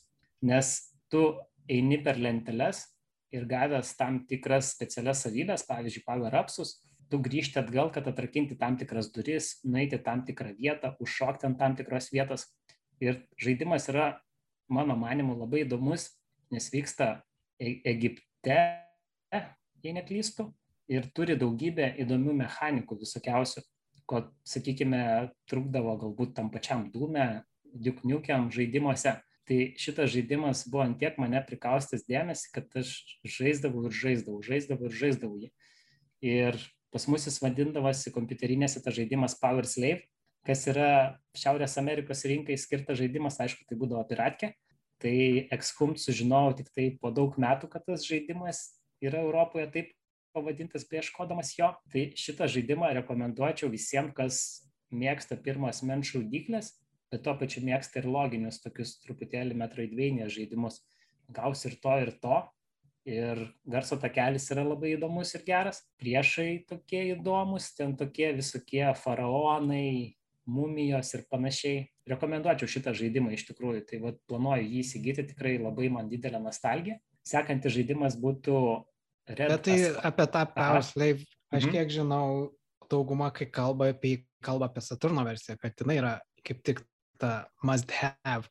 Ir kai matau apžvalgas aš šito žaidimo, visi kalbama kaip Saturno buvo tas tiesa, visas padarimas tiesa. toks, nes ten studija lobotomija, atrodo, vadinasi. Tik bėda yra atsaky... tame, kad aš niekada nežaidžiau Saturn versijos. Visą laiką žaidžiau PlayStation versiją, nes yra ir PC versija, kiek žinau. Ant PlayStation versijos užaugęs, tai Saturnas taip ir liko, tik tai žurnaluose ir forumuose apskaitytas. Tai aš noriu atsakyti į Vilmontą klausimą, taip neturėjau PlayStation konsolės, pavydėjau kitiems, kas turėdavo, bet 2002 metais ar 2003 būdavo, kas su vienu tokiu klasioku susidraugavau, tai eidavom per ilgąjį pietų pertrauką pasipažaisi su PlayStationu arba kažkaip susitardavau, kad jis man paskolintų, arba jam kažkiek pinigų duodavau, nepamenu, kuris variantas. Tai, tai, tai ir, ir pas save namo atsineždavau. Tėvai tokie žiūri, taip, taip tokie, tokie pikti būdavo dėl pažymių, ko čia dar žaidimus kažkur žaidžia, Atsine, atsineša iš kažkur, ne, patys, patys jie nesupranta. Arba pas tą klasioką dažnai žaidžiam Tekken 3, dar eidavo tuo metu tas e, Vapo Station žurnalas, tai ten būdavo dažnai kokių priedų kas mėnesį išeidavo, būdavo, kad tas Tekken 3, e, tiek veiksmų judesys surašyti, kaip atlikti. Tai tą knygutę pasiskolinau ir e, studijuodavau, bandydamas asminti mygtukų kombinacijas, kaip nugalėti tą klasioką, nes jis už mane tuomet geriau žaisdavo. Hmm, įdomiai. Tai aš tai atsimenu, kad man patį pirmą PlayStation atidavė draugas, nes jis kai jau turėjo antrą, tada aš gavau iš jo dovanų, kaip ir dovanų panašiai. Tada aš gavau patį pirmą savo PlayStation, bet kadangi būdavo originalų žaidimai, tada buvo sunku ganėtinai rasti. Tai aš tokiu kaip mainų keliu pavyko gauti mažesnį PlayStation 1 versiją, kuri buvo atvirišta. Tada šiek tiek kiek lengviau e, būdavo ir pasiskolinti ir panašiai ne, iš kitų žaidimus, kur paskui atrodo, kai jau buvau paauglys ten, tose tokiuose artėjant 19 klasių, iš tiesiog jau gal nebuvo man jau tas įdomus PlayStation'as ar panašiai, irgi paskui išsikeičia ir kurį laiką buvau iš vis be konsolių, nes tada PC prieėjau panašiai, bet tiesą sakant, atsimenu savo mažiuką tą PlayStation ir dėl to jis man labiau patiko, nes kai aš asmeniškai turėjau, turėjau ilgiau mažiuką, kuris ganėtinai, sakau, faina formoje būdo, jis toksai ir gal ganėtinai mėlesnis buvo. Ir mhm. kadangi buvo piratiniai visi, tai ganėtinai lengviau buvo įsigyti ko nors žaidimus, sakykime, kad turgoje nainė, arba kad ir dabartinės visokios, man atrodo, baitukas, kai yra, jie tuo momentu piratinius daugiau pardavinėjo žaidimus negu originalius. Toks įdomus laikotarpis. O tada norėjau paklausti, kai, kai tu sakai ten panašiai, kad jūs patys asmeniškai neturėjot panašiai ir dar iki šios dienos Armandai neturi PlayStation, kažkaip ar įsigijęs, ar jau gal turi? Gavau irgi dovanų. A. Gavau dovanų, bet gavau dovanų tik tai prieš kokius keturis metus ar trys. Pirmą PlayStation, kurį draugas rado pas save sandėliukę. Sako, jeigu nori, bus tavo. Gerai, į kolekciją prigrebiu, man jį išvalė, sutvarkė, parašė naudojimui, bet buvau kartą, jeigu neklystu, įjungęs, bet kai šiuo metu tu gali pirmą PlayStation žaidimus leisti per PlayStation 2, per PlayStation 3, tokios nostalgijos, kad įsijungti pirmą PlayStation nebėra reikalo, nes gali visus žaidimus išbandyti ant naujesnių konsolių. Tada dar norėjau paklausti apie dar vieną, buvo PlayStation pirmą konsolę, vadinama PlayStation 1 Classics. Gal jūs ją bandėt ar ne? asmeniškai man tai buvo iš Sony pusės ganėtinai neišdirbtas variantas, nes kaip ir dauguma turbūt interneto žmonių ir šiaip kurie žmonės yra PlayStation 1 fanai, tikėjomės daugiau, bet gavome tokį kaip ir konsolę, kuri niekam beveik buvo neįdomi. Gal jūs kas nors esat bandę ar turit PlayStation Classic? Mm, nebandžiau, bet labai daug apžvalgų žiūrėjau ir, ir taip dauguma buvo labai neigiamos, kritiškos. Aš turiu asmeniškai, esu išbandęs su draugu žaisdami tekiant žaidimą. Mums iš tikrųjų viskas patiko, viskas gerai, tai kiek girdėjau, kad viena geriausių emuliavimo mašinų yra PlayStation pirmo kolekcija, gali susidėti ir va, turėti pirmą PlayStation skaitmeniniu būdu, jungti prie televizoriaus ir žaisti. Na, nu, čia žiūrint, kaip žiesėpi dėl tos emulacijos, nes, tarkim, pas tuo momentu buvo išleista PlayStation TV, kuris ganėtinai, man atrodo, buvo ir net pigesnis, galėjai pasijungti, tarkim, ketvirto ar trečio pultelius. Man tas labiausiai nepatiko, kad pridėtas pultelis buvo tas iš senesnių pirmų modelių, ne su analogais. Ir nežinau, taip, taip galėjai ten nusipirkti laužus ten naudotis, bet kažkaip tu iš Sony galvoji, kad, nes ir kaina, man atrodo, kad jis išėjo ten vos nebuvo brangesnė palyginus su Super Nintendo mini ir NES mini ir kažkaip netaip, aš turiu pats Super Nintendo mini ir tas tai gerai ten išdėkta emulacija. Classics tai nežinau, kiek girdėjau, nes ten jie naudoja ganėtinai pažengusius tos emulatorius, kuriuose man Vitos ir panašiai, bet jie tokie kaip vanila versijos dažnai pastebiu, kad Sony trendina tiesiog, mato kitą produktą, kuris paklausus, vad kaip Nintendo, ir davai, išleisim. Bet jo iki galo nepadaro tokio, kuris būtų, nu, ar apklausos būdu paklaustų, kokio produkto rinka tikisi. Kažkaip išleidžia, sueis ar nesueis. Ir dažnai būna pastebiu pasonį tiek periferijos klausimų iš PlayStation pusės, dažnai nepraeina. Vat. Jūs nepastebit? Na, aš pastebiu, kad vienos konsolės, kaip tarkim Vita, jo greitai buvo kažkaip nugesinta panašiai, nors iš pradžių ėjo viskas kaip ir tvarkoj, bet kiti dalykai įdomi, tarkim PSVR, palyginus jau ganėtinai toks kaip top kūrinys skaitomas ir jie tikrai išvelgia, nes ir dabar išeina, kad ant, dėl antros tie pulteliai parodyti ir panašiai, ir kad tikrai neapleist. Tai nežinau, čia kaip jie savo. Aš kelis nes... faktus priminsiu, nu, kaip online pas buvo PlayStation 3 laikais, tada buvo 3D žaidimai, tada buvo Move žaidimai, nu tokie trendai, žinai, bet niekada jie taip ir neišsivystė kažką daugiau. Tai Sony tiesiog turbūt irgi, kai sakai, jie pabando į vienus, tarkim, kaip su Move, Move buvo ganėtinai labiau pažengęs negu tas V pultelis ir jį dar naudojo net VR iki vėliau, nes buvo irgi keista. Taip pat trečio pultelio gali naudoti su ketvirto VR. Na, jie taip, nežinau, kažkaip jie gal jo tos komunikacijos ar patys nepateikė gal tokio, kad uh, vadinamo kaip ten žaidimo, kuris parduotų, nu, žinai, ne, kad tu tikrai turėtum priežastį, dėl ko turėtų tos dalykus. Tai tos ir trūksta. Būtent.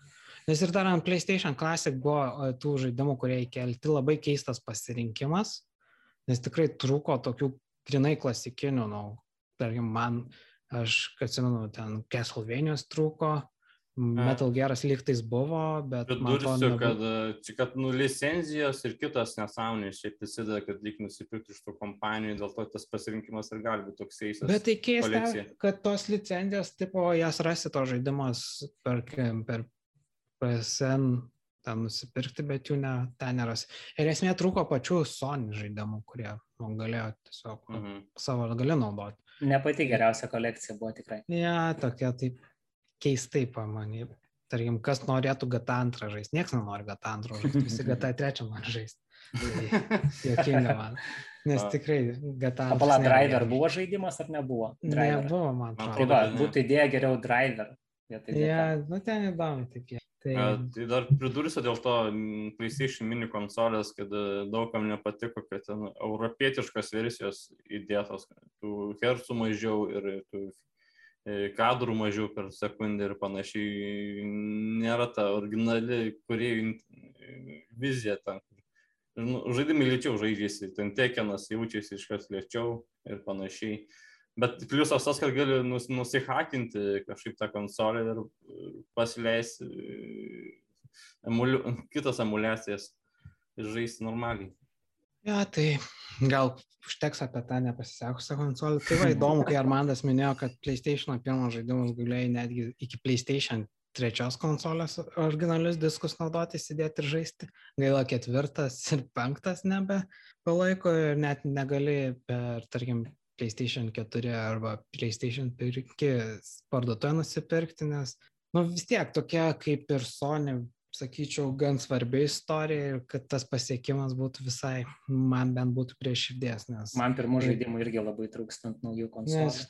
Tikrai tos konsolės yra per galingos, kad, kad belė kaip galėtų paleisti tos žaidimus ir nebūtų jokių problemų. Net ten, nemanau, kad PlayStation 5 būtų problema žaisti PlayStation 1 žaidimus. Tai tos labiausiai pasigestų ir nežinau, kai tas nepasisekimas su Classic ir panašiai toks, gal dėl to Sony pradėjo. Aš labai keistai. labai labai tikiuosi, kad jie įsigijo dabar va, tą kompaniją, kuri orientuojasi perleisti PlayStation ekskluzyv žaidimus į PC platformą ir, nu čia vėl aišku, gandų lygiai, kad jie dirba prie emulacijos perleisti tos žaidimus į tą PlayStation 5 konsolę. Nu, bet čia palikim gandam. Ja, gandai bus gandais.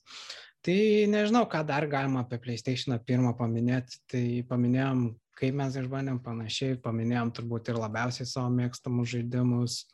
Aš irgi Aš tai... susirinkė savo kolekcijai, turiu tuos jau must have, nes dabar jau ir kainos auga ir viskas jau tokia kaip. Mane tai tokia nostalgija liečia ir aš vis toliau noriu pakalbėti apie ją. Galbūt pavyzdžiui, memory cardai. Kokia nuomonė apie juos? Būdavo... Aš tai turėjau tokią nuomonę, kad mm. neoriginalus sakindavo, nes dažnai būdavo, ja, po kiek laiko baterijos numirdavo ir dingdavo seifai. Baterijos būdavo? Ja, buvo neoriginalius tokis, atidarius kinietiškas, toks matai, kai ten būdavo, jeigu jūs esat matę atidarytas, e, tarkim, Famicom kopijas, kur ten taip pridėta tų juodų litavimo taškų visokių panašiai brudo, Tai ir buvo tos pačios PlayStation pirmo atmintinės, kurios pagyvendavo kurį laiką ir mirdavo, nors jos panašiai atrodydavo. Nes pačios PlayStation, tai ten ir matosi mikroschemas ir viskas, nu, kokybiška. Dar aš turiu permatomų keletą, nes buvo irgi išleidę visokių spalvų permatomų. Įdomus tas dalykas memory cardai, nes kažkaip prieš tai nebūnė susidūrę su jais, nes tarkim NES, tos Famicom, tu iš vis nebūdavo žaidimų, kurie ten saugodavosi. Segos, man atrodo, pačiose disketėse, jeigu kas būdavo dar. O čia toks jau kaip išorinis dalykas. Aišku, tu supranti, nes diskas negali į diską įrašinėti, kodėl taip vyksta. Mhm. Tai... Nebūdavo dvidinės atminties. Nežinau, toks laikotarpio dalykas tie memory cardai, nes kai dabar jų nėra, tai net negalvoju apie juos. Mhm. Ar tu norėtum ant PlayStation 5 memory cardo, abejoju. Bet pamenu, ten būdavo kažkokių keistų formų, tų memory cardų, tų sokiausi kažkokie ten, bunta klasikinė ta atminties kortelė, kur normalaus dydžio panašiai, kiti ten kažkokie gigantai, permatomi, spalvos skirtingos. Tai ir su pulteliais būdavo ten kokie Mad Cats ar kokie išleisdavo pultelį, kuris PlayStation pirmo, bet turi pakeisti dizainą, kad neprisikabintų ir kuris niekada nebūdavo patogus ir duodavo į draugui, kuris tau mažiausiai patinka. Dar koks Jis niekada normaliai neveikdavo. Va, va, va. Ta prasme, papildomas koks mygtukas pridėtas. Na, nu, tai tarkim, būdavo turbo arba slow, ten tiesiog daug kas spaudinėja pauzę. Ir tiek. Nesiderinti būdavo su žaidimais. Tai dažniausiai neveikdavo koks nors mygtukas normaliai būdavo. Tad, nu, tas, tas keiščiausia. O Man tai galbūt kai... tas uh, memory cardas, pertrauksiu truputėlį apie memory cardus dar baigiant, tai man kas labiausiai siejasi su jais, ne tai, kad jie, žinai, originalus, neoriginalus, bet aš pamenu per gimtadienį prašiau, kad man padovanotų memory cardą, nes konsolės tai neturėjau, tekdavo eiti žaisti kompiuterinės, o žaidimą tęsti tai norėdavai, toliau vėl atėjęs, žinai, tai gavau aš tą memory cardą, pamenu, saugojau, branginau, eidavau į kompiuterinę, įsidėdavau, žaisdavau toliau, eidavau į kitą kompiuterinę, galėdavau vėl įsidėti. Nu, toks smagus vaikystės prisiminimas. O jūs. Memory cardai dar pasižymėjo, atsimenu, kad jie turėtų, galėdavo prisikelti tų žaidimų, kiekvienas turėjo savo tas įdomesnės, vieni ikonas, kiti. Uh -huh, uh -huh. Tai tas įdomu būdavo. Tas geras buvo. O aš turiu klausimą, jūs esat bandę PlayStation 2 pirmo žaidimus pasileisti? Ar skiriasi kažkas? Ar pati... Jo, ant, ant PlayStation 2 konsolės pirmą PlayStation žaidimus pasileisti. Tai taip, tu gali pasidaryti, kad juos greičiau krautų, tarkim, Resident Evil būna greičiau krauna tas perėjimus tarp durų, mhm. bet kai kurie žaidimai būna ten išsikreipia, yra tam tikras. Grafika skiriasi, gal ir aukštesnė rezoliucija būna. Nu, grafika ne tai, kad labai skirtusi, tiesiog yra tas efektas toks vadinamas smooth, kuris tipo kaip vazelinu pateptų kažkiek, bet ne, neįdėsi žaidimo, kad jis geriau atrodo. Geriausia, aš kiek esu tiek ant Vitos, tiek ant PlayStation 3, tiek ant visų žaidęs, kuo mažiau knistis prie tų nustatymų, nes kuo daugiau ten darai, to jie tiesiog atrodo praščiau. Geriausia palikti kiek gali ir viskas. Geriausiai jie patys atrodo žaidimai taip. O dar jeigu apie pačius žaidimus, ko jie pasižymėjot, jeigu atsimenat, jie turėjo tos keistus, tos, kaip tu dabar minėjai, tas grafikas, tokie kaip, atsimenu, ten šių žaidimas, tokie tes 3D visokie, kaip būna backgroundai viskas, bet jie įsikreipia, kai vaikštai, deformuojasi šiek tiek, jeigu esate atkreipę dėmesį, nes tai PlayStation'as perduodavo, kad taupytų atminties, jis truputį judėdavo tas visas 3D statiniai dalykai nes jis tai, tarkim, susiaurėdavo, išplatėdavo ir toks e, efektas, kurį tik turėjo PlayStation 1 konsolė, kitos konsolės nesu matęs, kad turėtų tokį efektą, mhm. kad ta visa grafika.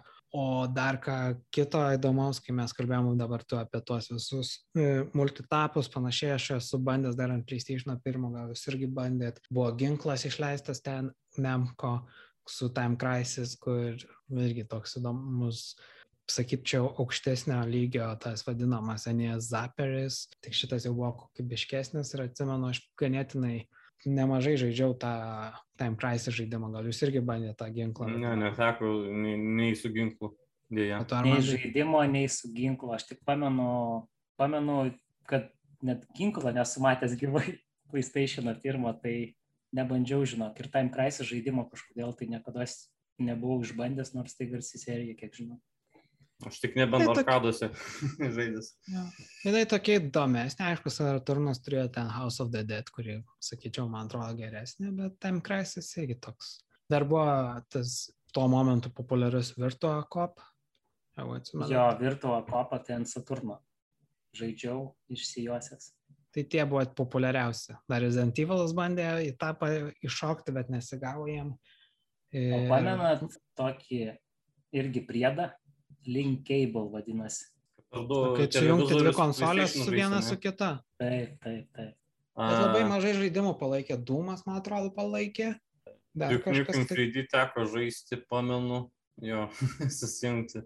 Aš tik papasakau, kad galiu tokią mini istoriją iš savo irgi jaunystės. Tai šitas laidas, aišku, dažniausiai būdavo naudojamas vėl tose pačiose kompiuterinėse. Ir aš labai labai labai daug žaidžiau Command and Conquer Red Alert.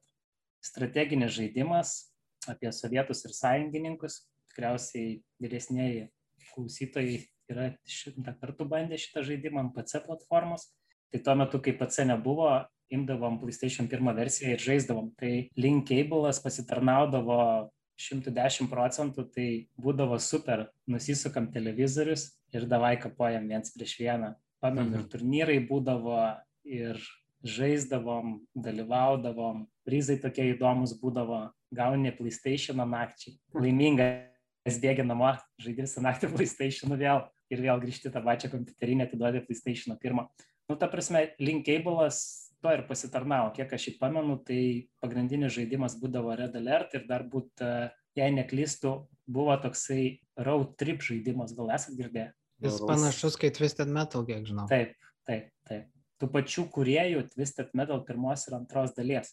Vienas toks smagiausių žaidimų žaisti keturiesi.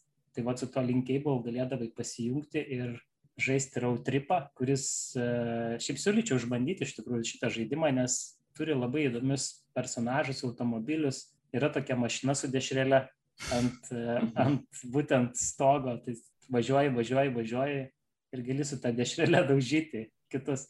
Ta prasme, toks linksmas laiko rykas, va, siūlyčiau išbandyti. Dar man priminė, kad man labai patikdavo žaidimas Army Men, ar, te, ar tekdavo žaisti. Aha, aha.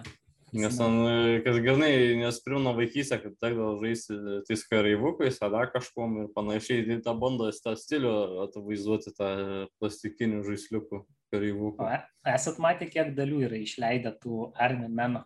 O įvairių, ir strateginis yra, ir... ir, ir Jų kiekis toks didžiulis yra. Veiksmo, jo, tuo metu labai populiarus būdavo. Arba animacijos man būdavo įsimintinos, ten, kad jeigu su ugniasvaidžiu ten e, nugali priešais, ten įsilydo nuo to karščio iki į plastiką. E, smagus žaidimas, smagus mm. žaidimas ir kiek, kiek pamenu. O multitabų, multitabų to naudojatės dažnai susitikę su draugais? Pamenu, kažkaip dažnai tekdavo, kaip pasakojau, žaisti Quake. Dar bandėm žaisti tą Wormsai, bet kaip su, su, su kažkokiais paršais ar kažkas tokio. Hawks War. Jo, Hawks yeah, of yeah, War. Bet ten kažkaip buvo klaida, galvojom, ten, kad pasijustis į keturis ekranus, o ten buvo, kad e, tiesiog e, vienas pažaidžiai, kitas eilės laukia. tai buvo, ups, susimovim. um, Bet kaip jums vat, prisiminimai apie Quake antrą žaidžiant multitap? Tai man su tuo klasioku siejasi, nes kažkaip jis man paskolindavo, paskolindavo ir kažkaip žaisdavau daug, bet kažkaip to paskutinio bosą nenugalėdavau. Kažkaip susidėtingas būdavo, bet manau, pat visai gera versija to žaidimo, iš pats perkelia, taip laikoma viena iš tokių geresnių, kaip į konsolę, nu, tuometinių. Toks tai... vienas smagiausių žaidimų, ypač tie ginklai. Kiekvienas ginklas savitas Rail, railgun. railgunas, jo, railgunas. Čia tas railgunas, kuris šauna ir tokia mėlyna. Jo, lazeris. Nu, ten truputį reikia kažkaip atitaikyti, nes ten kaip vos nesekundė turi kažkaip praeiti po šūvę. Jo, tai sekundės. Keturiese būdavo linksma žaisti iš tikrųjų nu taip paprastai padarytas, lygiai netokie dideli, bet pats smagumas, žinai, viens kitą nušauti, nužudyti, ta prasme, pakovoti dėl pirmos vietos arba capture the flag žaisti, žinai, du prieš du. Mm. Smagus prisiminimai iš tikrųjų. Nedaug, tai, tai reikėjo, kad būtum laimingas. Per linkable nebent gal kartą teko žaisti, dukniukom frydyti dviese kartą. Ir dar, va, kaip pasakai apie tą strateginį žaidimą, man priminė panašų Crossfire, jeigu teko žaisti. Ne. Jeigu panašus toks klonas. Ne su C raidė Crossfire, su K raidė kažkodėl. Ten vadinasi Kill, Crash and Destroy. Kill, Crash and Destroy. A. Aš, aš net nesu girdėjęs. O tau, Vidmantai, teko susidurti su multitabais, linkėjimais? Aš trumpai jį turėjau, bet nežinau, man kažkaip nelabai jie sueidavo tokie dalykai, aš labiau, kai konsolės arba pačios palaikydavo ar nelabai, nes kai čia toks papildomas dalykas, tai kai ir žaidimų pasirinkimas būdavo mažesnis ir šiaip kažkaip ta visa išvystimas netoks geras, kai tarkim, kur Nintendo šiam 4, kur gali rasti nemažai žaidimų, kurie pritaikyti ir viskas kaip ir veikia be problemų, panašiai ir su kokiu GameCube ir panašiai kitur, o tiek ant PlayStation 1, tiek ant 2, tai mažai palyginus. Nu, atsimenu futbolą, kad gali žaisti iki 16 žmonių. Aha. Galėdavai. Iš 16 žmonių. Jo, nebuvau tik, girdėjęs šitą. Tik neatsimenu, ar ant PlayStation 2 ar pačio pirmo, nes tikrai galėjai ten sujungti tuos. Kiek čia Kas tik- pirmų jis- etapų? Jo, ten sujunginėjai viską ir gaunasi. Tas, ten, kai futbolą žaidžiant, nereikia tų ekranų, užtenka vieno, tai todėl. Aš įsivaizduoju, namuose 16 žmonių žaidžia futbolą. Kažkaip, kažkaip, kažkaip nelabai įsivaizduoju, norėčiau pamatyti. Tai čia gal britiškas labiau dalykas, tai jeigu susirenka, žiūrėt, manau, ir žaidžia tai. Nu jo, linksma turėtų būti. Tai nežinau, ar jūs dar kažką norit pasakyti, ar jau bai, duodam užbaigiamuosius žodžius. Gal dar tokį greitą, kiekvienas, kokį turėt smagiausią prisiminimą apie PlayStation 1. Hmm, geras klausimas, reiktų net pagalvoti truputį. Smagiausias, smagiausias. Nežinau, daug smagių buvo. Nu, Hmm. galiu aš gal pradėti tada, kol jūs pagalvosit. Tai man kas būdavo smagiausia, tai kad apie PlayStation 1 buvo iš tikrųjų Lietuvoje tuo metu buvo daug kalbama ir rašoma. Tai galėdavai įsigyti va, tos pačius žurnalus, kurie būdavo labai geri tokie vadovai, kokie žaidimai išeis, ką verta žaisti, kas pasiteisino. Tai va, žurnalai Šokas ir Kiberzona tikriausiai girdėti iki Mhm. mirties jie bus kiekvienam žaidžiančiam lietuviui. Toliau, jo, kas vat buvo dar smagus dalykas, tai turbūt tas pats turgus. Nuvažiuodavai ir rinkdavaisi iš didelių, didelių tašių žaidimus piratinius. Gaila, aišku, kad piratiniai, bet tuo metu nieko kito ir neturėjom. Būdavo taip smagu važiuoti, nes aš pažinodavau asmeniškai tos kompiuterinės kaip ir šeimininką ir mes su juo kartu važiuodavom į turgų, būtent Klaipadoje, kad išsirinkti naujų žaidimų, parsivežti kompiuterinę. Aišku, ne vienas pavadinimas e, būdavo man naujas, bet taip smagu būdavo rinkti žaidimus, lik rinkčiausi savo, lik turėčiau aš tą konsolę, bet nu, tiesiog imdavai dešimt žaidimų ir veždavai ir skaitydavai, žiūrėdavai ten tos paveiksliukus, kas čia bus. Ir tos naujas patirtis tokios būdavo labai įdomios. Dar būdavo, aišku, labai didelis, va, toks smagus man, kaip pasakyti, su PlayStation susijęs dalykas, tai PlayStation nuoma. Mes jį galėdavom išsinuomoti ir turėti visą naktį namuose žaisti. Tai dažniausiai darydavom dviese su draugu, išsinuomojam ir pas kažkurį einam žaisti visą naktį. Kas įdomiausia, kad tuo metu žaisdavai ir nejausdavai jokio nuovargio, akis raudonas, ištinės visas sėdi, Vaikystė. žaidi, jo, vaikystė būtent, žaidi, duodavo ten, jeigu neklystų, penkis žaidimus išsirinkti, kuriuos nori, nu ir jos žaisdavai, žaisdavai, žaisdavai, žaisdavai, žaisdavai iki pat pat ryto ir galiausiai jau pavargęs visiškai eidavai nešti tą konsolę atgal į kompiuterinę, bet būdavo dar vienas linksmas faktorius, kad kartais alaus baras nedirbdavo, nes savininkas netikėtai užbaliavodavo ir užsidarydavo. Tai atneši konsolę atiduoti, bet žiūri, baras nedirba. Hm, laikas eiti namo ir toliau žaisti PlayStation. Tai visą naktį ne, ne, nemiegi, žaidi PlayStation ir lauki, kol vėl atsidarys kažkada kompiuterinė, kad atiduoti PlayStation. Nu tokie va prisiminimai mano yra. Gal Simonai kažką pridės ir Vidman? A, šiaip truputį pastairausiu, kažkaip įdomi, pas mane nebūdavo, pas mane buvo daug kompiuterinių, bet nebuvo paslaugos, kad įsinuomoti konsolę. Buvo tik tokiu atveju žymiai vėliau, kai 2005-2006 metais buvau suplanavęs šęsti gimtadienį, kadangi su savininku gerai sutardavau kažkaip, Aha, paklausė, ar galėčiau įsi- įsinuomoti ir panašiai, tai jis kažkaip paprašė e, gimimo liudinimo, dar kažkokius surašyti telefono numerį, žinai. Tada labai smagiai pažadėm tada su draugais e, penktą tekino, to iš tavęs prašydavo kažkokią informaciją surašyti. A visiškai Kas pasitikėdavo. Ka- kas įdomiausia, kad mes visi ten pažinodavom vienas kitas, nes rajonas, visi kažkaip mėgdavo bendrauti tuo metu gyvai Mhm. per telefoną, tai visi vieni kitus pažinodavom, žinodavom, kur gyvenam. Ir kas smagiausia, kad kainuodavo 10 litų, bet tuo metu 10 litų vaikui atrodė, wow, turtas, visas lobis. Mhm. Tai- Ne, tai taip. Tai nedažnai tekdavo, bet kai gaudavau, tai lėkdavau. O dėl, at- dėl tų atsiminimų smagiausia, net, net nežinau, ar turi tokia kon- konkrečiai, gal smagiausia būdavo nu, įvairios, pavyzdžiui, ten, nu, iš, nu, dabar atsimenu vieną, kada ten su kokiais klasiokais kažkada pabėgom iš pamokų ir visi vadami kompiuterinė. Žaisti kokius. Buvo tas Rampage kažkoks, kur su monstrais, mm, tas greuni pastatus. jeigu žinot. Aš esu girdėjęs, bet nesu žaidęs. Ar, ar, ar, ar jo su kimų draugais eidavau, ar, ar, Man atrodo, kad kažkaip taip. Kai stebėti nėra, žaidimus būdavo įdomu. Nėra tau taip, kad būdavo PlayStation 1 toks savotiškas socialinis dalykas. Sutraukdavo kitus žmonės bendrauti, susipažįsti su kitais, kurių nepažinodavai. Ne, tai jo, tai per kompiuterinės, nu, visokiais sakas, pažinai, aišku, ne visi ten buvo geriečiai buvo. buvo, kad ten būdavo tie, kur pinigų prašydavo kažkokių tokių bjaurių. Mhm. Bet jo, nu, tikrai tas socialinis aspektas buvo per, ten, per žaidimus, per kai kurios, e, per žaidimus, per kai, kai kurios žmonės ir susipažino, kurie man iki šiol yra uh, draugai nuo senų laikų. Man irgi, man irgi panašiai. Kaip tu, Vidmantai?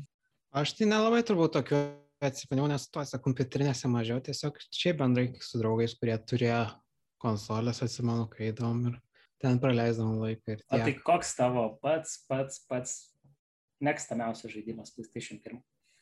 Na, sunku būtų įvardinti, nes daugelis čia nuo nuotaikos priklauso. Jeigu, tarkim, kiekvienas žanras yra, man labai patinka Silent Hill, Tekken 3 patinka tas pats ir jeigu RPG, tai ir Legend of Dragon. Tiesą sakant, daug labai tokių, kurie pradėjo savo tuos visus, galima sakyti, kelius. Žingsnis, nuo... ne? Jo, tai rasim, tarkim, Resident Evil žaidimai pradėjo. Galėtum vardinti ir vardinti. Tai konsolė, man atrodo, ganėtinai, kaip pirmai pačiai konsoliai, kurią Sony išleido, tai ganėtinai labai stipri tokia žaidimų kaip pasirinkimas katalogas. Ir netgi sakyčiau drąsiai, kad vienas turbūt stipriausių lyginant su visom konsolėm PlayStation. Pritariu. Būtent, nes daug naujų žaidimų serijų iki šiol, kurių nebuvo, tada atsirado pirmoje Sony konsolėje. Man tai patiko, kad nebijojo kuriejai bandyti visokias idėjas, įvairiausių žaidimų, kokiu tik nori buvo. Dabar... Na, žinai, čia buvo tas perimas laikotarpis, kad tas e, 3D grafika, žinai, po truputį jau lindo į sceną. Gal tas duoda faktorių, manau bet ir žanrai buvo daug skirtingų žanrų visokiausių, žinai, tie, pat, tie patys Sony, Wild Arms kūrė, Legend of Dragoon, RPG Sportiniai žaidimai, Tony. Sportiniai Tony žaidimai. FIFA, pamenu, daug kas žaidžiavo NBA. Platformeriai. Mhm. Jo. Ta prasme, daug visokių įdomių žaidimų, įdomių franšizių ir panašiai. Tai šitoje vietoje man atrodo, nostalgija jau visam gyvenimui. Ypač tas garsas Sony startupo. Aš, žinot, vat, išbandžiau Astro Bot ant PlayStation 5 ir ten tiek nostalgijos per tą žaidimą praeina. Tikriausiai Vidmantas žinos labiau. Na jo, ten galima sakyti, sudėjo viską, ką jie turėjo per savo istoriją, iš tiek techninės, tiek iš kitų pusių ir toks, na, manyčiau, kaip žaidimui, kuris kartu su konsolė ganėtinai geras pasirinkimas. Iš mano pusės, kad sakau, man atrodo, kad PlayStation 1 iki šios dienos yra viena stipriausių Sony konsolių, bent iš mano pusės, nors ir kitos pardavimais lenkia panašiai, bet pagal visus tos faktorius, kad tai vos ne pirma jų konsolė, pagal žaidimų pasirinkimą, pagal žaidimų kokybę ir apskritai pagal visus viską sudėjus, tai taip, kad manau, jeigu reikėtų rinktis iš visų PlayStation iki 5 konsolių, kurią tik vieną turėtų, tai turbūt su visais žaidimais tai rinkčiausi PlayStation 1. Ja, aš aš pa, pa, paantrinčiau, Vidmantai, tikrai stipri žaidimų biblioteka, daug žaidimų iki šiol, kuriuos mėgstu ir žaidžiu, ne vien dėl nostalgijos, nu, tiesiog manau, kad tiesiog gerai žaidimai, manau, kaip Metal Gear Solid pirmą teko pereiti, man buvo toks sprogimas galvoj, tik buvo kažkas jau, daugiau negu vien žaidimas ir istorija, ir vertė apie gyvenimą mąstyti ir kitus aspektus, ko iki šiol tada nebuvo. Vėl man, man tiesiog. Jo, ar man tai kažkas kitai? PlayStation'as labai daugelį padarė, kaip pasakyti, atidarė kelių dabartiniam franšizėm žaidimų. Tai va, būtent taip, PlayStation'as pirmas yra, nu, wow, labai labai labai geras Sony sprendimas buvo, kad išleisti šią konsolę, jį pasiteisino su kaupu ir turime, kaip pasakyti, dar iki šiol Sony PlayStation'as gyvas. Tai ir taip pat galim Nintendo dėkoti, kad kartu su Sony nieko nedarė, nes kitaip būtų. Ja, čia tas e, labai likimo ironija nuostabi, kad Ačiū, jau dalies Nintendo. Nintendo kalti. Yeah. Įleido naują žaidėją į, į į rinką. rinką. Komp... naują priešininką. New Challenger. Tai nežinau, tai tada galim jau viskas kaip ir tada aš sakysiu, jeigu nebandėt PlayStation, išbandykit, o jeigu dar turit pas save įsitraukit kars nuo karto ir duokit jam meilės.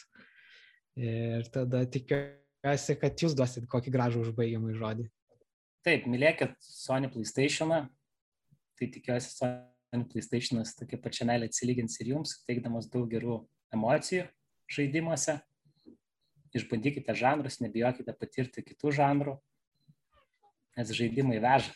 Na, aš irgi visiems pritarsiu, kad ir, kad ir jaunesiems žaidėjams, kad ne- nesubaidyti senesnės grafikos ar valdymo prastesnio ir panašiai, nes tikrai gali palikti gilų įspūdį.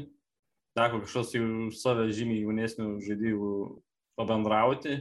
Ir jam ir pirma Resident Evil dalis patiko ir kitka, ir, ir, nes aš jį kažkaip taip pat supažinau. Pirmin ir, ir nesididžiuokit ir išbandykit. Mes galėtume būti mokytojai. Retro konsolė. Taip, motivuotai. Tai tada iki kito karto. Iki.